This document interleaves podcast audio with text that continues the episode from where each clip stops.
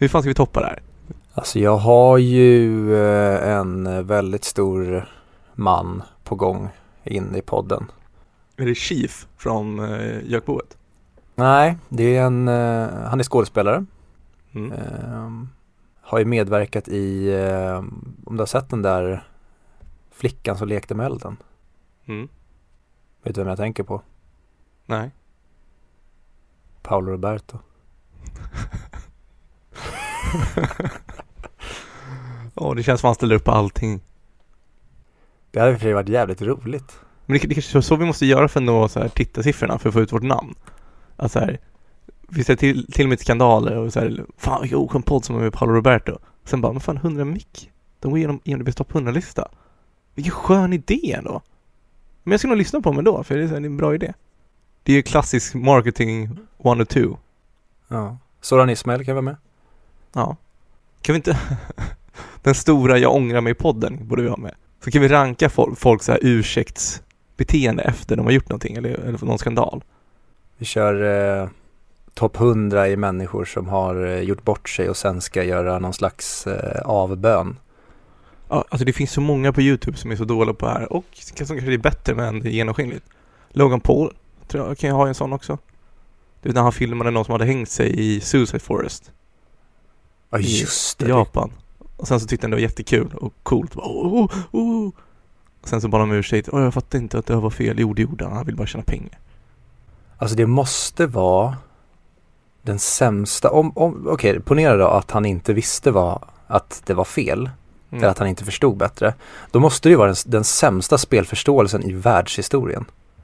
Mm. Men jag såg på Pewdiepie när han pratade om hans förlåtelsevideo. Och folk hade sagt åt honom att göra likadant typ när han hade gjort sina nazireferenser. Men han kände så här att, alltså nej, det här kommer jag inte att göra. Jag kommer förklara varför jag gjorde det och sen varför media förvrider saker och ting istället.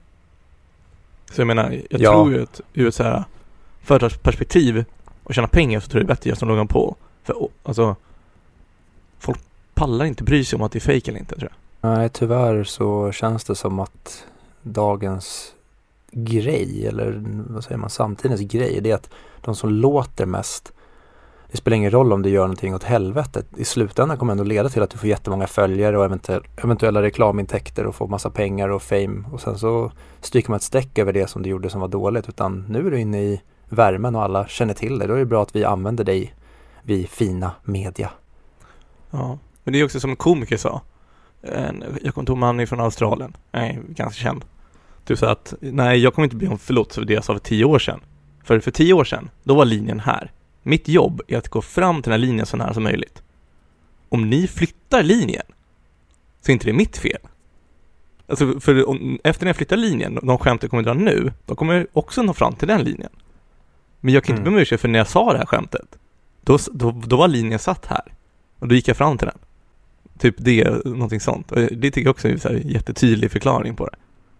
Ja, och det vore märkligt om vi skulle stå till svars för saker vi gjorde för länge sedan. Det, det sjuka är ju att det får ju faktiskt folk göra på riktigt och folk gör ju på riktigt avböner på det. Mm. Eh, men just det att ja, men bara för att jag gjorde en sak där och då, då är jag ju inte den personen idag. Bara för att jag ljugit tidigare i mitt liv, då Mm. är jag ju inte en lögnare. Jag kan inte alltså, sätta en etikett på någon för någonting den har gjort. Det är en grej om du gör det upprepade gånger och du faktiskt gör det här och nu. Men att påstå att någon skulle göra, alltså, ställa till svars för någonting du gjorde för 15 år sedan, det är ju obehagligt. Mm. Ja. På tal om obehagligt, ska vi sätta igång vårt avsnitt av 100 mick? Just det, vi, det här är en filmpodd. Vi, vi glömmer det ibland. Ja men Ja. vi kickar igång då. kör vi!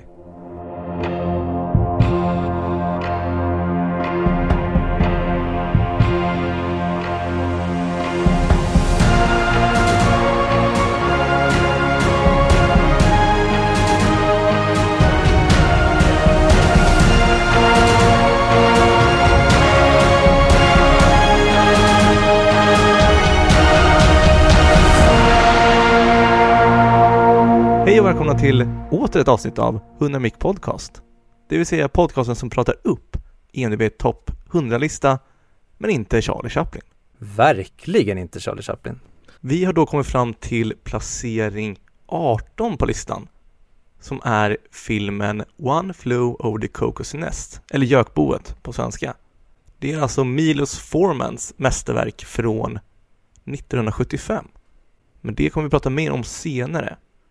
Jag heter som vanligt Fredrik och med mig har jag som vanligt min kollega Viktor, men eh, menar du att det är ett mästerverk enligt dig eller att det är allmänt hyllat som ett mästerverk? För du får inte avslöja dig själv så här tidigt. Men jag tänker att allt över topp 20 på ENB-listan är generellt ett mästerverk, sen vad vi tycker om det i en annan femma. Jag accepterar det. Är det fair? Mm. Innan vi kommer in i avsnittet så måste vi också nämna att vi har ju fortfarande vårt otroligt roliga samarbete med Moviesin som är Sveriges största online-magasin för filmer i Sverige. Kanske är dags för dem att expandera. Norge kanske, härnäst. Nej, vem vet? Det Dålig respons, men okej, vi kör vidare. Viktor, hur har ditt filmtittande varit den här veckan? Eh, ja du, det har inte varit så mycket. Jag har sett eh, den här filmen Gökboet med eh, Jack Nicholson och eh, det är pretty much det så att jag känner nästan att jag skulle vilja gå in så snabbt som möjligt och prata om den. Mm. Men eh, innan dess tänkte jag fråga dig, hur har ditt filmtittande varit Fredrik? Har du sett något kul? Har du sett något spännande? Har du sett något intressant? Tackar, tackar som frågar. Vad glad jag blir. Det, eh, jag har faktiskt sett ett och ett halvt avsnitt av den nya serien Loki. Har du hört talas om Mhm. någonting om den? Eh, ja, jag har läst lite om vad det är för folk bakom den och vad den ska handla om men jag vet inte, det är så mycket annat jag vill se så att just en Marvel-serie är inte top of my watchlist. Men jag tänker, du som är lite ahead of the street talk med gällande filmer. Eh, jag vet inte om man säger så. Men skulle du kunna, vad, alltså, vad säger folk? Vad säger filmälskare, sinaster, om Loki? Eh, det generella snacket jag har läst är ju att det påminner väldigt mycket om, eh, vad heter den? F- Åh, nu tappar jag, vad heter den? Doktor Doctor Who? Ja exakt, att det påminner väldigt mycket Mm. om eh, den serien men att det är sett i ett eh, Marvel men en Marvel-kontext helt enkelt och att eh, till exempel en av författarna till serien har varit med och skrivit eh, Ricky Morty avsnitt Mm. så att det ska vara lite ja, men, inspirerat därifrån också, eller jag tror i alla fall att det är influenser därifrån som jag förstår det. Men eh, jag har bara sett positiva recensioner om det. Mm. Jag blev också förvånad över hur mycket bättre än vad jag trodde att det skulle vara. Eh, men det är också en sån här serie, ta mig nu på salt-serie känns det som. Men eh, jag uppskattar den väldigt mycket än så länge. Jag är ju också ett stort fan av Owen Wilson. Det, det är någonting älskvärt med hans stil. Han, han, han, pratar ju alltid på samma sätt och kör alltid samma stil tycker jag, oavsett roll. Men det är någonting älskvärt bakom det. Kör han eh, sin Hello man, what are you doing man? Ja men, Gotta go up and see that mountain man. ja, men typ, fast, fast lite mer seriös och det märks att han blir lite äldre. Så nu tycker jag det verkligen klär han den här rollen. Jag tycker han är perfekt Marvel-universum skådespelare. Han har det här, du vet, perfekta övergångar mellan oseriös och seriös. Så han är ändå rolig i ett seriöst sammanhang. Ja, Men lite, åh, åh, vad heter äh, Mr. Äh, Ant-killen? Paul Rudd. Jag, jag jag tycker de två är lite samma skrot och korn, men Paul Rudd är väl lite mer generellt älskvärd. Skulle jag säga. Ja, eh, jag var på, för några veckor sedan var jag på studentmottagning. Då satt jag med mina syskon och eh, min kära flickvän och så pratade vi lite om vem är den roligaste skådespelaren? Eller vem är, vem är den roligaste Ja men både kvinnliga och manliga skådespelaren och det var så himla svårt att avgöra. Men en bubblare som dök upp var ju just Paul Rudd. Det tycker inte jag. Jag tycker inte han är så rolig. Jag tycker han är mer underhållande. Det är inte som att jag sitter och skrattar åt honom. Det är mer att jag ler åt honom. Han, Mm. han är mer härlig och varm. Med typ Zack Galafianski, eller vad han heter. Han är mer haha-rolig. Ja, det, och det, men, ja, det vi landade i den diskussionen var helt enkelt att det är typ omöjligt för att du måste utgå från en viss typ av kriterier. Och om du ska, ja men till exempel en person som jag helst ser och som du säger ler mer åt den, att, alltså jag tycker att det är mer härligt och fyndigt, då är det ju kanske en Paul Rudd-person. Men om jag verkligen vill apflabba, ja men då kanske det blir Zac Galifianakis eller en Jim Carrey, alltså mer stora karaktärer som är mer tydliga humorelement i sina filmer. Men mm. nej, skitsvårt. Jag landade i alla fall i att uh, den roligaste kvinnan tycker jag är Kristen Wiig. Ja men det, kan, det är väl hon blonda. Jag tror jag vet vem det är. Jag är så jävla dålig på namn. Men jag kan nog... Bridesmaids. Ja exakt. Jag kan nog ställa mig bakom den. Eh, men det är som... Jag tycker generellt inte att amerikanska humor är så rolig. Jag tycker den är för uppenbar. Eh, så det, jag tycker inte det finns så många superroliga skådespelare. Allt beror på manus. Då är det nästan roligare typ humorn in Bruges eller i Guy Ritchie-filmerna. Det blir den här uh, seriösa filmen och slänger in humoraspekter. Så här, hur fan kunde det hända? Typ, men, typ som i The Gentleman. När de har svårt att uttala den här, äh, asiatiskt namn. Är det Fock? Fuck? Fuck? Och sen så blir de säga, mm ja, men alltså, så stannas hela filmen upp för när de diskuterar, liksom, hur uttalas det? Is it in fuck? Ja. Sånt tycker jag är mer roligt då. Än, än, än Jim Carrey som får pilar i knäna. Ja, ja för där, där skulle man också kunna dela upp det i liksom, fysisk humor och kanske lite mer verbal humor mm. eller kanske lite mer ansiktsmimikshumor. Det finns ju väldigt många indelningar där men till exempel en som jag tycker är briljant på det båda, alltså eller på alla olika sätt, det är ju Steve Carell. Han kan vara både rolig med sin kropp, han kan vara väldigt rolig genom det han säger, han kan vara väldigt rolig på att bara göra ansiktsuttryck. Mm. Men då guden av komik på film måste ju ändå vara the one and only Charlie Chaplin. Vem? det var kul, för jag, jag tänkte verkligen, jag undrar hur Victor kommer att reagera när jag säger det här. Jag hade ingen aning. Du valde den vägen alltså. Okej. Okay. Vi lämnar det där. Det hade varit mycket bättre om jag hade sagt Vad säger du? ja, typ Uber alles. Charlie Chaplin är Uber alles. Han är inte ens tysk mm, Den här jävla nazisten. Ja, fuck honom. Ja, ja. Men jag, jag tänker på tal om eh, roliga personer. Du vill ju prata om One Flow och Kokosnäs så snart som möjligt. Så ska vi prata om de roliga och intressanta karaktärerna så finns det den redan nu. Och gå in på filmen. Du, eh, det tycker jag låter alldeles utmärkt. Så jag tycker vi, eh, ska, vad, vad pratade vi om nu? Vi pratade om eh, ja, men humor och sen så får du göra, ska du göra en segway eller ska jag göra en segway till One Flew? Gjorde jag inte precis en segway? Jag tyckte det var väldigt, väldigt svag, ja, gör, eller ens märkbar. Gör, gör, gör du en till så får vi se. Eller så får lyssnarna höra. Och från att prata om roliga skådespelare så ska vi nu prata om ett väldigt roligt ämne som gör väldigt många väldigt mycket gott och det kittlar i magen när vi pratar om psykisk ohälsa och eh, mentalinstitutioner. För nu ska vi prata om gökboa.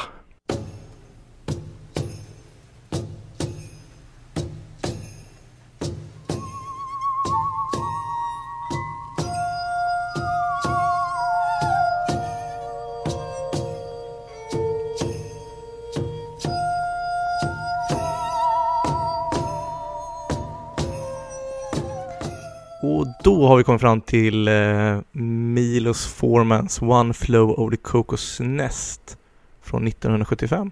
Vi är inte helt främmande med Milos Forman. Eller hur Viktor? Nej, han regisserade ju någon, jag vet inte, någon popmusikfilm om någon snubbe som hette typ DJ Amadeus eller något sånt där. Mm. Det var David Guetta när han var ung innan han bytte namn. Ja. Nej men så vi har ju sett en film av honom. Jag vet inte, fanns, finns det ens några likheter mellan Amadeus och den här filmen? Det är väl kanske den då att båda innehåller någon slags, vad ska man säga, en person utövar terror mot minst en annan person eller vad ska man säga, någon slags, någon, någon slags typ maktmissbruk. För Salieri beter sig ju minst sagt tveksamt mot eh, Mozart i den filmen och det skulle jag vilja påstå att eh, Nurse Ratchet gör i den här också.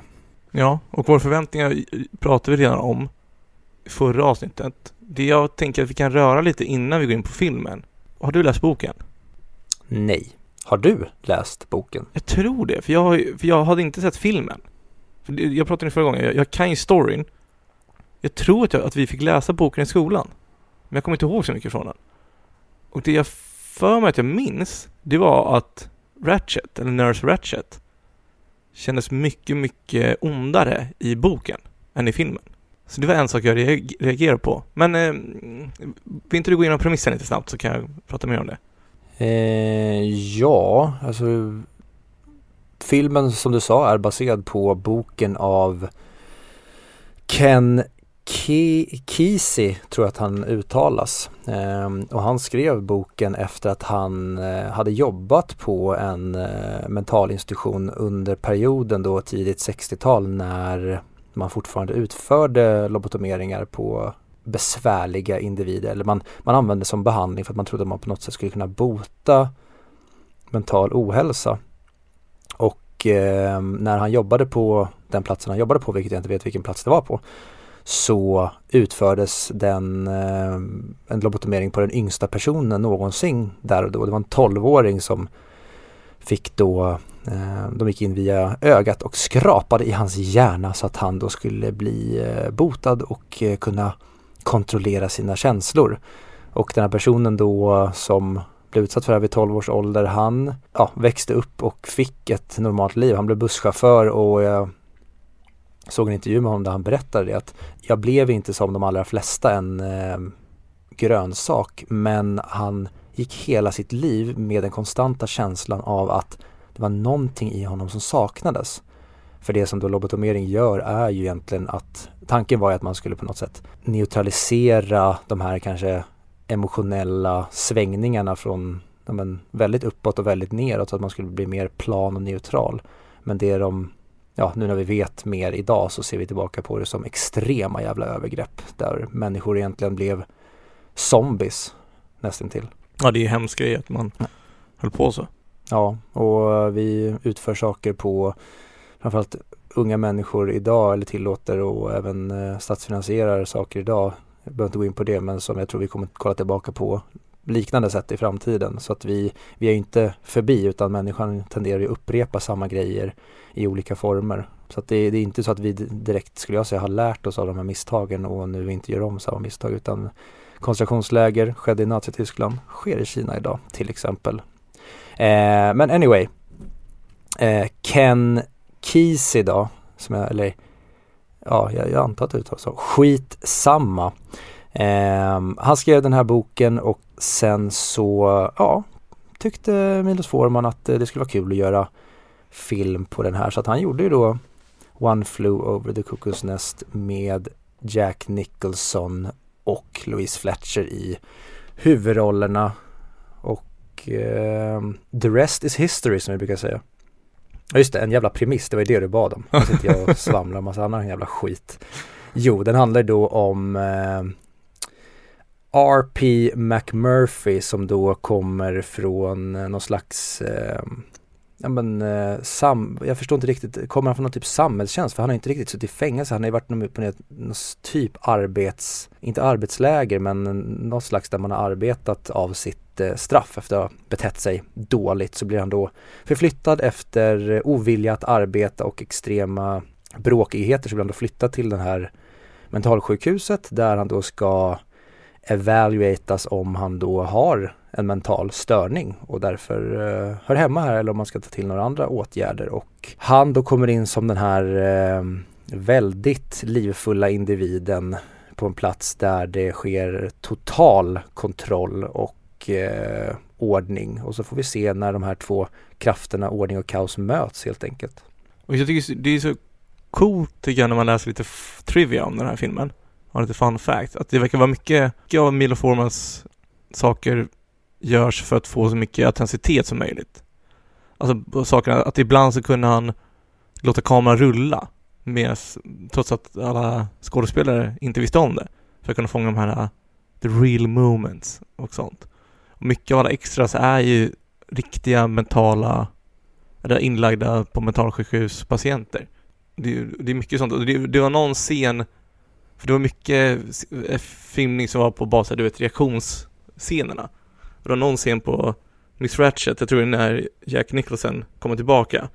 De ser väldigt irriterade ut och då var det tydligen hennes min som reagerade på när Milo Forman gav henne typ en jobbig note på hennes skådespeleri eller någonting.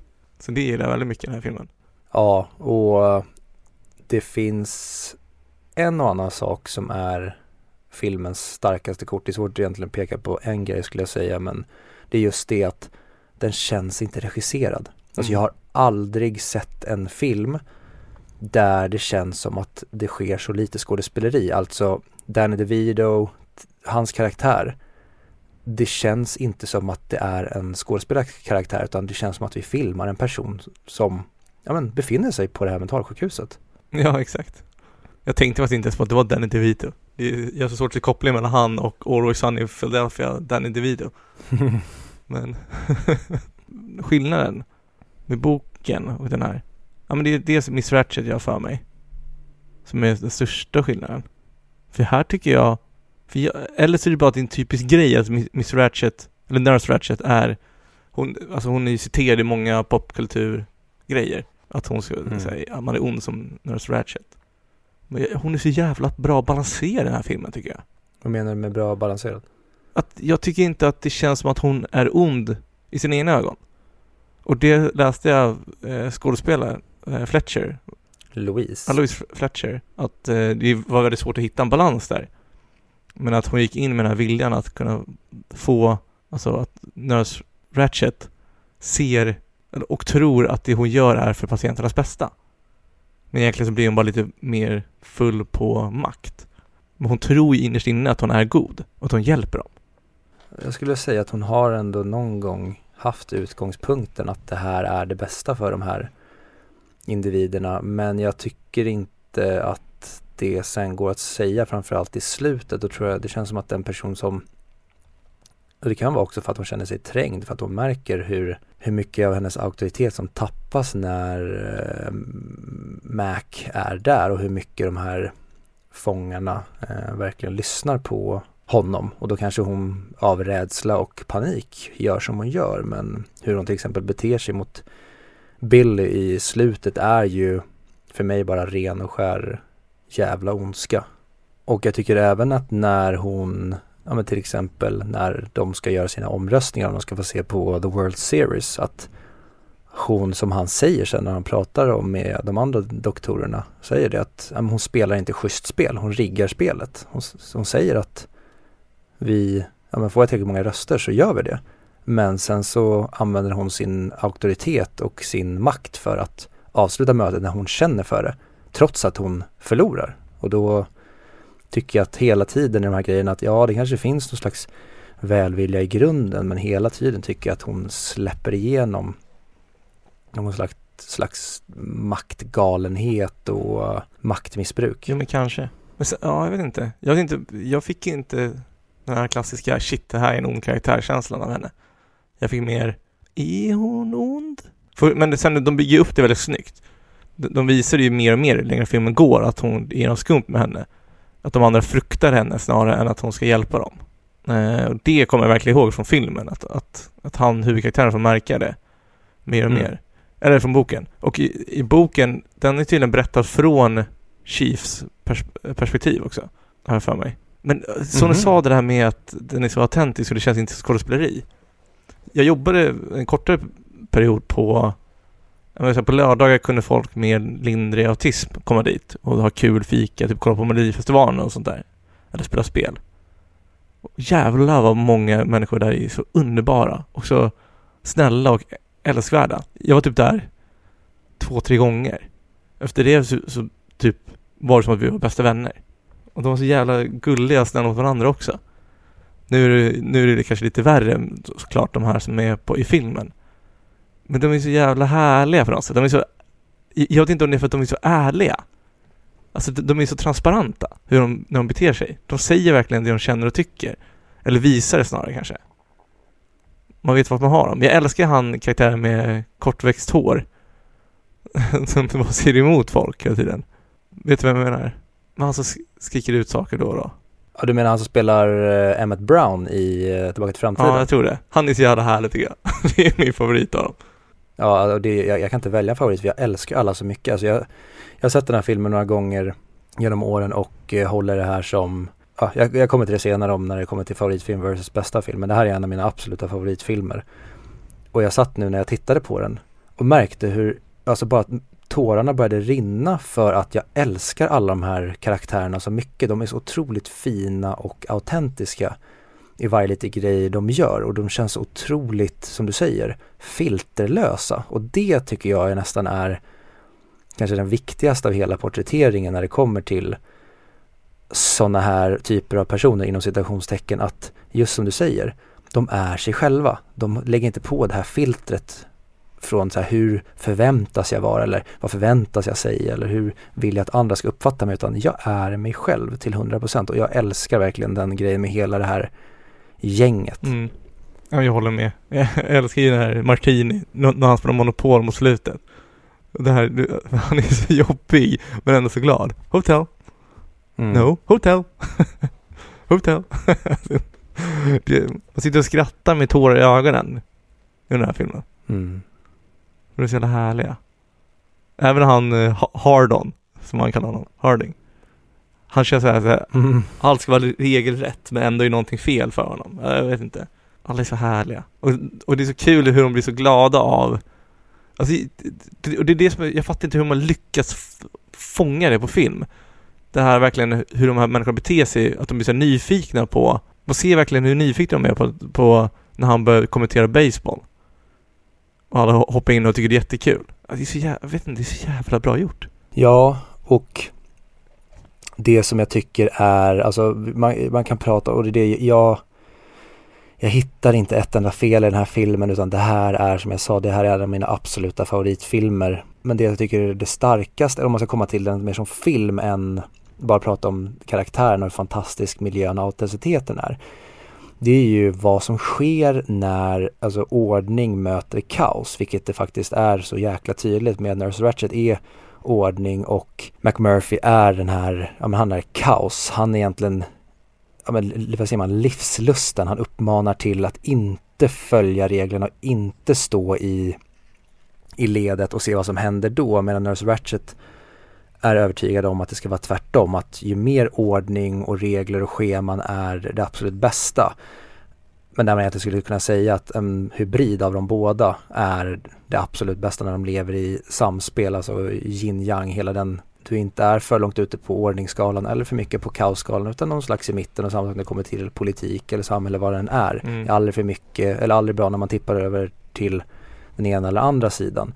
Men just den balansen i det här att han kommer in när de uppenbarligen levt i för mycket ordning och de egentligen bara finner sig i den där gråa, platta, vita tillvaron och sen kommer han in och livar upp och som du säger med den scenen när han börjar kommentera basebollen att där får ju Nurse Ratchet panik för att oj, så här ska de inte bete sig. De beter sig inte så lugnt och medicinerat och som zombie som vi är vana vid utan han kommer in och faktiskt väcker liv i de här människorna. Om vi till exempel jämför med när vi pratade om druck mm. så det är samma sak där, de är vana vid någonting och har blivit som slags statyer av sig själva och sen kommer det in någonting som förändrar som gör att det väcks till liv inom de här människorna igen. Och vi får faktiskt se att det som McMurphy gör när han ja, men egentligen ger dem ansvar och visar att du kan, du kan själv.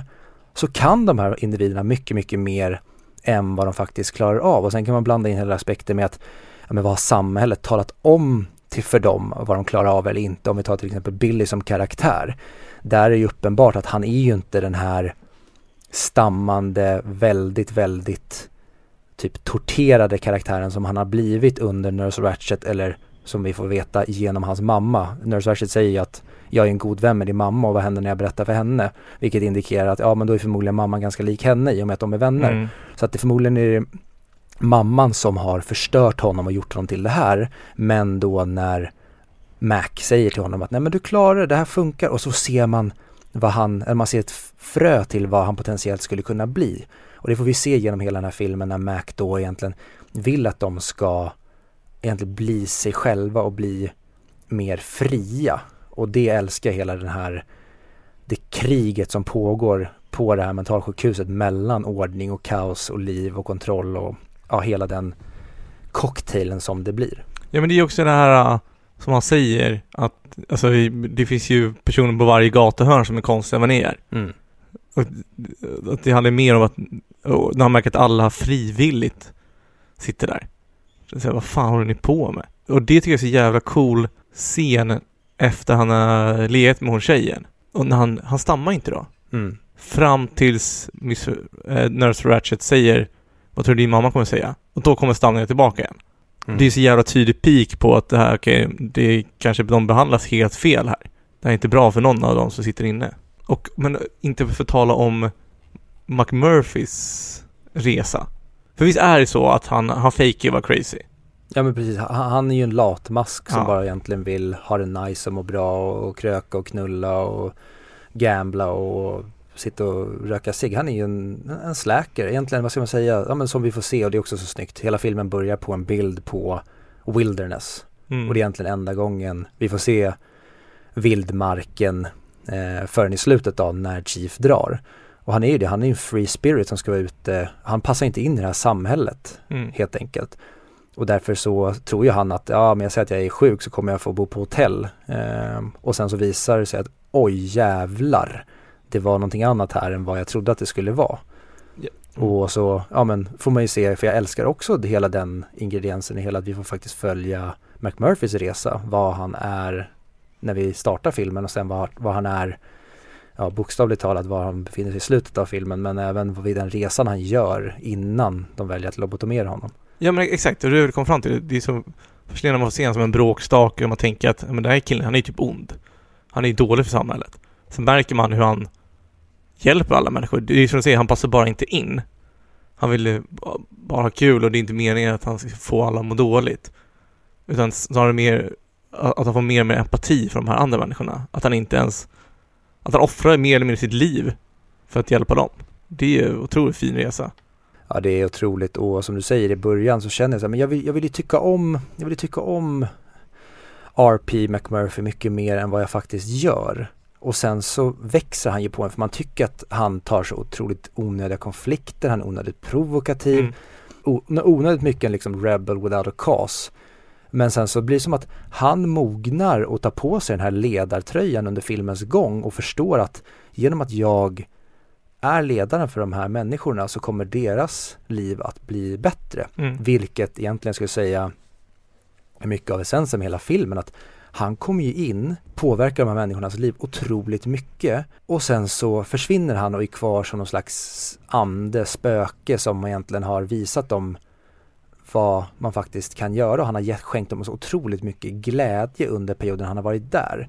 Och därför gör det så otroligt ont men samtidigt så otroligt jävla fint när Chief då dödar McMurphy att han förstår att det är viktigare att han lever kvar som den här symbolen för de här människorna än att de faktiskt får se honom som den här brutna krigaren. Mm. Till exempel, ja men om vi jämför med en film som kommer högre på listan, du tar The Dark Knight med Harvey Dent. Ja men då är det bättre att eh, Gordon och eh, Batman eller Bruce att de får samhället att tro att Harvey Dent var den här vita riddaren istället för att han faktiskt föll och skulle bli den här symbolen för, ja, i, det, i det fallet av korruption och ja, det förfallet. Och det är samma sak här. Hellre att vi behåller eh, den här symbolen än att man faktiskt får se vad som faktiskt skedde med personen. Och det är så, och bara så här, ja men vi har, vi har pratat om så jäkla många ingredienser och det finns otroligt många lager och vad ska man säga, ja, men kombinationer som bara låser sig perfekt med varandra i den här filmen. Om du tar till exempel bara Chiefs resa.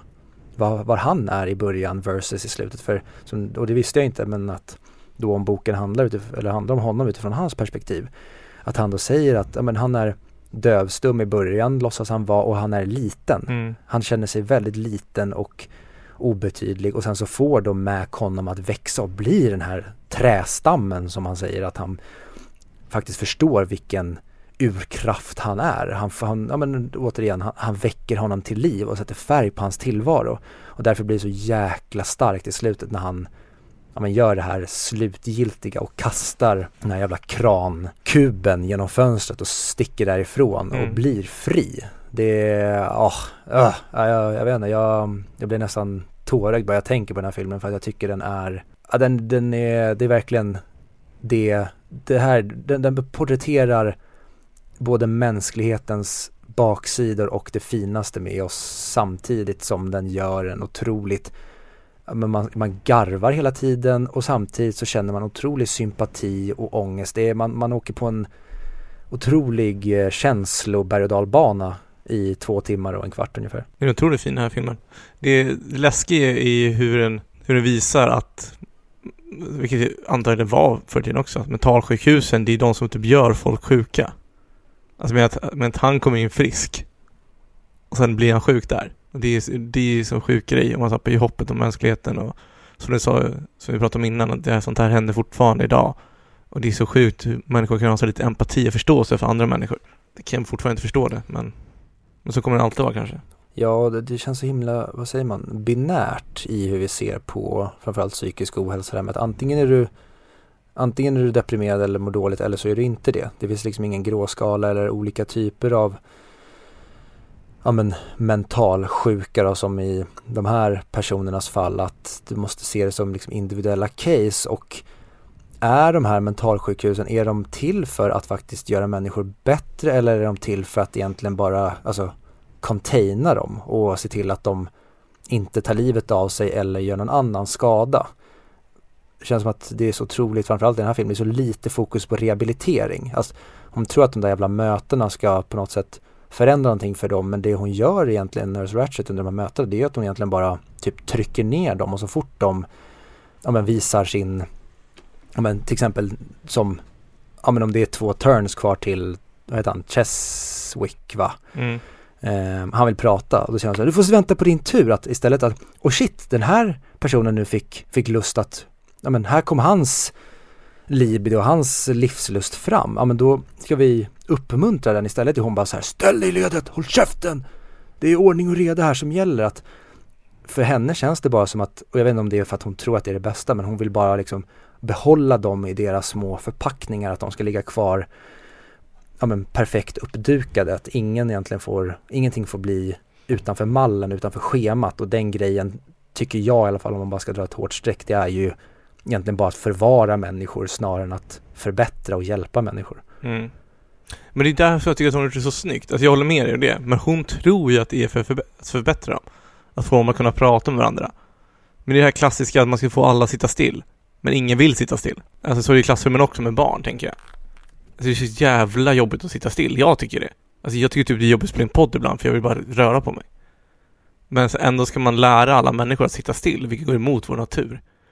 Och det, det trodde man väl här också. Tänker jag med de här terapimötena istället för att bara låta folk prata på och förklara för dem att du kan inte prata just nu med den här pratan men du får absolut säga din åsikt. I guess. Ja. Men eh, det, jag det är så jävla mäktig scen när han skriker till henne. Ratchet, I ask you a question. Då känner man bara fuck, nu händer det saker. Och det, det, de bygger upp den här stämningen hur man märker att de är lite rädda för Ratchet men man själv vet inte riktigt varför i början. Och sen börjar man se, så när man väl ser emot henne då får man verkligen den här oj jävlar känslan. För de har byggt upp det så himla bra tycker jag. Ja, och det är intressant också att hon visar egentligen inte några känslor rakt igenom hela filmen utan första gången hon visar känslor det är ju när han försöker döda henne och sen efter i slutet när hon har nackkragen och ler när hon pratar genom mikrofonen. Innan dess, hon är ju ja men stone cold fucking jävla bitch. Mm. Och jag tror att så här, om jag ska tolka henne välvilligt, ja men då är det ju början av filmen. Hon vill hon vill väl, men hon är så van vid kontroll så att när den här urkraften McMurphy kommer in då blir det som att hon, ja men nu är det krig, så att hon glömmer bort hennes egentliga uppgift bara för att alltså, sätta dit honom. Hon glömmer bort alla andra och vad de andra i gänget behöver bara för att hon är så inställd på att inte låta den här individen ta över eller eh, ja, men trycka tillbaka honom, trycka ner honom i samma fack som de andra. Ja, verkligen. Men det gillar med henne också att hon alltid är lugn. Hon, det är sällan att hon liksom blir arg på när någon har gjort någonting. Det vill säga, de får ju elstöta någon gång, vet jag. När någon, någon ballar tur. Men annars så här, man tänker att de ska komma in och se att de har tagit in tjejer där eller det är kaos på hela stället. Att de typ ska börja slå folk. Men det gör de inte heller, hon tar det väldigt lugnt. Det är nästan mer skrämmande, tycker jag. Jag tycker alltid att det är läskigare med eh, karaktärer som inte visar alltså sin galenskap genom stora gester utan som i det här fallet hon har sina soldater. De får utföra våldet när de ska slita in folk eller som i slutet efter festen de ska räkna alla. Mm. Då utövar hennes vakter våldet medan hon egentligen bara dikterar som någon jävla Hitler. Mm. Ja, och tydligen Louis Fletcher kunde inte se den här filmen på ganska långt tag efter att den hade kommit ut. För hon mådde typ dåligt över, över Ratchet, att hon var så oskön och ond. Ja. Och hon fick tydligen utstå otroligt mycket, hon fick jättemycket dödshot och folk hon fick leva typ med personskydd ett tag. Jag vet inte om det här är sant men det är vad jag läst. För att eh, hennes, ja men folk var så jävla förbannade och ville Nurse Ratchet så jävla, ja de, de hatar henne så otroligt starkt för det hon gör i filmen. Och det om någonting förutom, ja hon fick sin Oscar, men det om någonting är ju verkligen ett kvitto på att du spelar en roll väl när människor, ja men, får säga vad fan man vill, så här, hur dum i huvudet är om du kan separera verk och person, men att till och med alltså, människor blev så otroligt arga på att bara se hennes ansikte efter den där prestationen. Så hon är ju helt jävla otrolig. Och, och återigen tillbaka till det jag sa att hon visar inte känslor men ändå tycker jag att hon är så fruktansvärt värd sin Oscar för att hon står för en otrolig prestation. Mm. Men det är lite America, fuck yeah. Så här, inte kunna se, att börja mordhota skådespelare. Fan, du spelar en karaktär som var ond. Nu, du förtjänar att dö. Jaha, hur gick det här till? Hur hamnade vi här? Ja, som Topher Grace eh, i Black Landsman när han spelar Ku Klux Klan-ledaren och fick utstå massa hot och folk ville cancella honom för att han hade spelat den här rollen. Ja. Men där tänker man till lite annorlunda. Det är för att han promotar en sån här roll, men det är fortfarande så här. Han gör ju sitt jobb liksom. Kom igen. Ja, det är märkligt.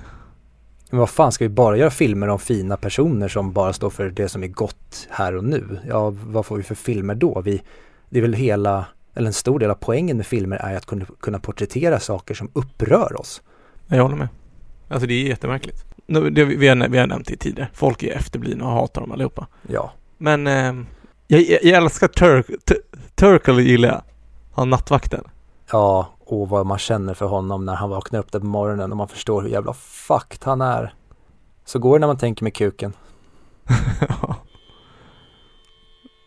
Vad fan, vänta en sekund, jag måste kolla. Vad fan det är som tutar här ute?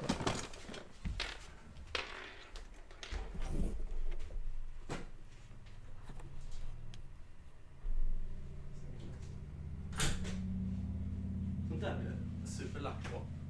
De som tutar utanför. Lägenhet. Men du, du känns som att du, att du skulle kunna göra det. Nej, ja när jag var yngre definitivt det var jag ju alltså mycket mer låta men jag, jag vet inte om det är någon slags, eh, vad säger man, eh, att pendeln slår tillbaka men jag har verkligen blivit tvärtom. Jag, i alla fall ute bland människor så vill jag eh, det är kanske en gubbgrej också man blir äldre. Att man inte vill göra för mycket liv ifrån sig eller störa andra. Ja men just störa andra är det mycket för mig. Alltså jag är jättesynd, om bilen har stått utanför jag hade varit på otroligt dåligt humör. Jag, jag fick impulsen nu att ta ett ägg och kasta på bilen. Jag, blev, jag blev så irriterad. Vad fan ska jag så tuta för? Ring personen eller gå in. Nej men jag kan ju märka att jag blir upprörd ibland när någon alltså står utanför på gatan och man hör hur det dunkar högljudd musik. De har inte ens nervevade rutor utan det bara hörs typ när jag sitter på balkongen. Jag bara hör hur personen spelar hög musik. Då vill jag bara Sänk musiken för i helvete! ja, fy fan. Du, du pratade om Turkan. Hans ångest han vaknar upp där. Men det var så kul redan på kvällen han säger ja, ja, fuck it. Det här är kört ändå. ja. Men det är också, det är också revolutionerande när uh, Mr Washington säger, säger till honom att så här, vadå 68 dagar? Du är inte ute om 68 dagar. Du kommer sitta här, alltså, så länge vi vill att du ska vara här. Och där, alltså, det är ju lite av en mardröm för mig. Att vara fast i ett sånt där mental hospital, bli neddrogad och ingen som tror på att du, att du är okej. Okay. Du var fast i det systemet. Jag mår typ dåligt att tänka på det nu bara. Ja, och det tycker jag är bra, så jäkla bra att han, för jag, det, jag ville minnas att han faktiskt blir itvingad medicinen och blir, ja men i alla fall under en period av filmen, eh, drogad som de andra. Men jag gillar just den att han direkt visar att jag spottar ut tabletten och sen så äter han aldrig tabletten. Mm. Just för att inte hamna i det här vegetabiliska eh, tillståndet. För det är som du säger att men först ska du hamna på en plats där du vet inte, du har ingen, ja, men som ett fängelsestraff, då vet du i alla fall hur länge du ska vara här. Här ja, är det när de anser att du är tillräckligt frisk och sen ska du medicineras. Vilket, ja men om du kollar på McMurphy, ja, det känns som att i den miljön så blir han knäppare själv. Vilket gör att han känns ännu galnare om man ska se det till, alltså om man kollar utifrån, om en person skulle träffa honom. Så känns han ännu galnare efter ett tag där inne än vad han gjorde innan. Och sen så lägger du på laget att du ska medicinera honom och ja, bara hålla sig i ledet vilket blir nästan som att så här, alltså den här institutionen det är ju inte till för att du på något sätt ska bli bättre och rehabiliteras utan det är nästan som att stället gör dig sjukare. Mm. Vad tycker du om, om fotot och allt det där då? Alltså fantastiskt, just att det är så himla det, det, det är inget spektakel. Det är väldigt nästan åt det dokumentära hållet, enkelt. Mm. Och det är väl det som jag tycker är så, också är så himla fint med den här filmen, det är att den är så himla lågmäld. Den, det är inget stort spektakel utan den absolut största så här, bombastiska delen, det är ju när de är ute med båten. Mm. Men det är också så här, det behövs, alltså om innehållet är väldigt färgglatt, och med färgglatt så menar jag inte färgen utan jag menar det händer mycket. Då behöver man inte göra något spektakel med filmandet. Men om, alltså typ som, mm. det finns Det finns någon film, jag vet inte om det är Taken eller det jag, jag tror det är Liam Neeson som ska hoppa över ett staket. Och det är liksom typ fem olika vinklar från när han hoppar över staketet. Som han klipper snabbt fram och tillbaka.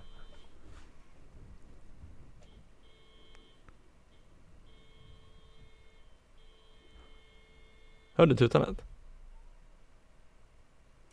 Nej, jag tror inte Nej, det. Jag tror det är du som börjar bli galen. Nej, vänta. Och jävlar. Och för er som lyssnar, det var här Fredrik eh, utförde det som gjorde att han hamnade på mentalsjukhusen. Så att de sista avsnitten kommer jag behöva göra själv för att Fredrik sitter inspärrad och medicinerad. Ja, det var som jag sa. Jag stod med ägget redo. det var så jävla skönt att få in ett ägg in i rutan också. Men grejen är, jag, jag är så konflikträdd så jag vet inte vad jag hade gjort om jag träffade och de stannade i bilen. Och sen typ gick och ringde på. vad hade jag gjort då? Åh, oh, vad jag hade älskat att ha med dig i podden. ja. Men det, oh. alltså det är så här, egentligen borde jag inte bry mig, men ja, jag vet inte. Skitsamma. Ja, men eh, jo, vi kan, kanske kan prata lite mer om ja, men de här karaktärerna. För som du, du sa att du, du tänkte inte ens på att det var Danny DeVito eller att, eh, jag kommer aldrig ihåg vad han heter, men eh, Dr. Emmett Brown från Back to the Future. Och sen eh, Billy Bibbit, det är ju Grima Wormtongue som spelar honom. Va? Tänkte jag verkligen inte på. Christopher Lloyd heter han, den andra. Just det, Christopher Lloyd. Nej, för det, det, och det är också en otrolig styrka med den här filmen, det är just att man tänker inte på att det är dem. De är människor snarare än karaktärer känns det som. Det känns inte som att åh, där är Danny DeVito utan nej, där är den där kortväxta patienten på det här sjukhuset, Martini. Ja, men eh, vad sa du, vem, vilken var din favorit av dem? Ja, det, jag kan inte välja men eh, framförallt Cheswick och eh, Martini, jag tycker de är så otroligt söta hela tiden. De är så gulliga små, bara Bumbi björnar men samtidigt, jag tycker ju samtidigt, alltså Chief är ju så jäkla mäktig och samtidigt, och han också, de, om jag ska sammanfatta hela gänget, de är så söta och då menar jag inte som att liksom klappa dem på huvudet utan de, de är så fina allihop att jag vill ju, jag vill ju vara i McMurphys kläder och umgås med de här personerna och verkligen få dem att må bra och hänga med dem. Mm. Det, det, det, det tycker jag var så kul när när, hon förklarade varför de hade börjat eh, ration deras cigaretter. För de hade spelat bort mycket pengar till McMurphy. Och jag tror det är Taber, eller mm. Christopher Lloyds karaktär som säger så här, But how can we win our money back then? så jävla gulligt. ja, verkligen. Ja, nej den är och den här filmen går ju verkligen egentligen att man skulle, vi skulle typ nästan göra en DVD-kommentar på den här och bara sitta och se filmen och prata om den för det finns så otroligt många små nuggets hela tiden som det du säger, bara den där lilla grejen med hur ska vi vinna tillbaka pengarna som gör att vi skrattar åt dem. Vi skrattar inte med dem, vi skrattar åt deras här, ja, naivitet eller deras syn på världen och vi blir samtidigt hopplösa och ledsna. Till exempel i deras egen brist i tro på sig själva, att de, de tror så otroligt lite om sig själva men som du sa tidigare också det här med att menar, när du går ut och kollar på gatan, alla är sjuka i huvudet. Exakt. Mm. Jag gillar verkligen allihopa dem. Jag, jag fick lite en annan del av Köping-vibbar från det, hela det här gänget. Mm. Vet han Tobbe som alltid svär? Det kostar pengar Mats, du vet. ja, nej, jag älskar en annan del av Köping också. Det är sån här, den här filmen och samma, det är jättebra liknelse men det är, det är sådana här grejer som det värmer ens hjärta. Man mår så bra av sådana här karaktärer. De är, de är så fina och rena. Mm. Alltså folk generellt, för det finns ju också du vet när förskolebarn träffar pensionärer typ. Eller ålderdomshem. Och det är det jag tycker man märker så tydligt med Corona, men man kanske inte märker själv. Men hur mycket, alltså en människokontakt och träffa nytt folk och träffa människor. Hur mycket det gör för ens välmående. Både beröring och att få träffa människor. Det är ju helt sjukt mycket mer än vad man tänker det gör. Jag kan typ, alltså nu när man får börja röra människor igen. Jag kan typ bara klappa en kompis på axeln och känna shit, nu- fan det där, det var skönt. Jag saknar typ att skaka hand med människor. Jag ser fram emot det. Mm. Jag var på eh, fest för ett par veckor sedan Ja. och eh, då bara bestämde vi oss för att alla skakar hand med varandra och det kändes så jävla nice. Ja, det, det är det som är så fint med de här filmerna också. Att det känns som att de behöver bara någon som slutar behandla dem som att de är någonting konstigt. Som att de är sjuka.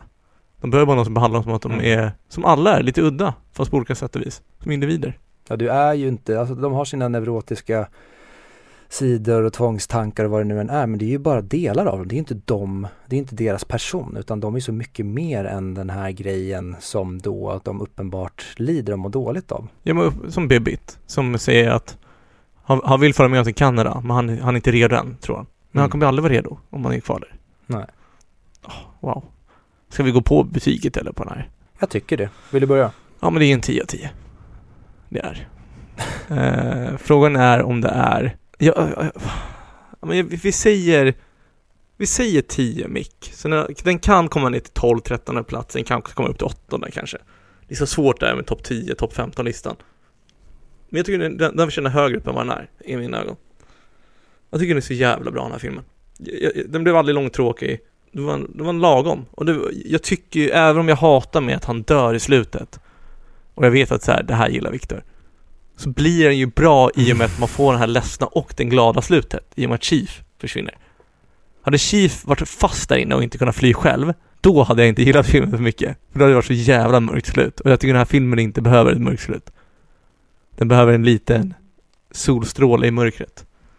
Så att Chief lyckas fly får mig att gilla det. Precis innan Bibi tagit självmord och McMurphy blivit en grönsak så tycker jag att det är perfekt slut. Så 10 10. Du då? Eh, nej men jag slänger på en sån här klassisk 10 av 10 och jag tror nog, jag kommer säkert revidera mig själv men jag fick verkligen en påminnelse om varför jag känner för den här filmen som jag känner för den här filmen så att jag sätter nog ta mig fan den på det är också skitsvårt hur, om jag ska värdera den bara utifrån som film eller om vad den gör för mig men jag får ju på något sätt kanske slänga in det emotionella här och jag sätter den typ på fyra mick. Alltså det här är verkligen en av mina absoluta favoritfilmer Mm. och jag, jag kan se om den hur många gånger som helst och jag mår så bra av den och den berör mig lika mycket varje gång och det här är verkligen en film som jag tycker att alla, alla borde se. Ja, det tycker jag också. Har man inte sett den så ser den. Ja, för i helvete. Ja. Kul. Fan alltså, det och Jack Nicholson, en av mina absoluta favoritskådisar, alltså min, enligt mig den bästa skräckfilmen är The Shining som vi pratade om tidigare och det här är en av de bästa filmerna så Jack Nicholson är med i, i båda de, de som ligger högst upp och det är kul också att han som spelar Turkle, det är ju han som är eh, mannen i The Shining så det är roligt att de möter varandra igen. Ja, just det. Just det. Ja, det, det är också en kul fun fact. Ska vi prata om förväntningar för nästa veckans film? Tror du att den kan slå den här filmen? Oh, farligt. Men eh, jag säger nej i och med att jag tycker att det här är eh, ja men topp fem av filmer som har gjorts för mig. Så, men vi ska ju prata om eh, Martin Scorseses Goodfellas. Mm. Och eh, då kommer vi gästas av eh, skådespelaren och komikern Anders Jansson för att eh, framförallt prata om vad den har gjort för avtryck för gangstergenren. Men visst är det den första, är den första Martin Scorsese-filmen på listan? Nej, The Departed har ju varit med för i helvete. Ja, nu får du bete dig. Jag blir lite irriterad. Förlåt. Men Förlåt. jag har inte sett den, Goodfellas. Har du sett den? Eh, jag har sett den mer än en gång och vill minnas att den var ganska, alltså som att jag tycker att den är ganska överskattad. Definitivt ingen favorit bland mina Scorsese, eller bland Scorseses rullar. Så jag har ljumna förväntningar fast jag är villig att förstå varför varenda jävla snubbe när vi växte upp tyckte att Åh, Goodfellas är fan den tyngsta filmen någonsin! Mm. Ja. Nej men det kommer bli kul att se. Jag... Jag tror inte den kommer nå full pott för mig. Men jag hoppas verkligen att det är en sån som chockar. Den är... är en, Ja, ja, jag är redo. Jag får ju lite Once upon a time in America vibbar av den. Skitsamma. That comes next week. Vart kan man se den då Viktor? För er som faktiskt skulle vilja se den så kan ni faktiskt se den om ni har ett sånt här Viaplay-konto. Vill ni hyra den kan ni hyra den på Apple TV, Rakuten TV och Blockbuster. Och samma ställen om ni skulle vilja äga en digital kopia av den. Sjukt frustrerande. Det, gick inte att hyra Jökboet. Så jag fick köpa den för 110 kronor. Shit. För jag orkar inte hålla på olaglig. Men eh, ska jag använda samma tonläge som du har? Den här drive-through tonen som man har i, på McDonalds. Eh, och sen som vanligt så kan ni gå in och... Nej fan jag inte kan komma in här. Hej välkommen att gå och beställa någonting. Okej, eh, Okej, nu har jag. Eh, och som vanligt så kan ni följa oss på Twitter, Instagram, Facebook. Hundamik eller Hundamik Podcast. Ni kan mejla oss till hundamikpodcast.gmail.com Lämna gärna en recension eller ställ frågor ni vill att vi ska diskutera eller kritik som ni tycker att vi kan förbättra. Är det för negativ kritik så får ni gärna skicka en till filmmixen.gmail.com istället.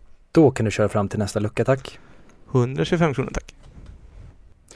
Ja men då så, då um, hörs vi nästa vecka när vi ska prata med Anders Jansson om uh, maffiabröder. Jag ser fram emot det. Jag är sådär, halvt eh, två plus. Mm. Alltså det ska bli trevligt men uh, hittar jag på något bättre så hittar jag på något bättre då får ni prata själva. Men vi får se. Men du, Harakiri. Harakiri.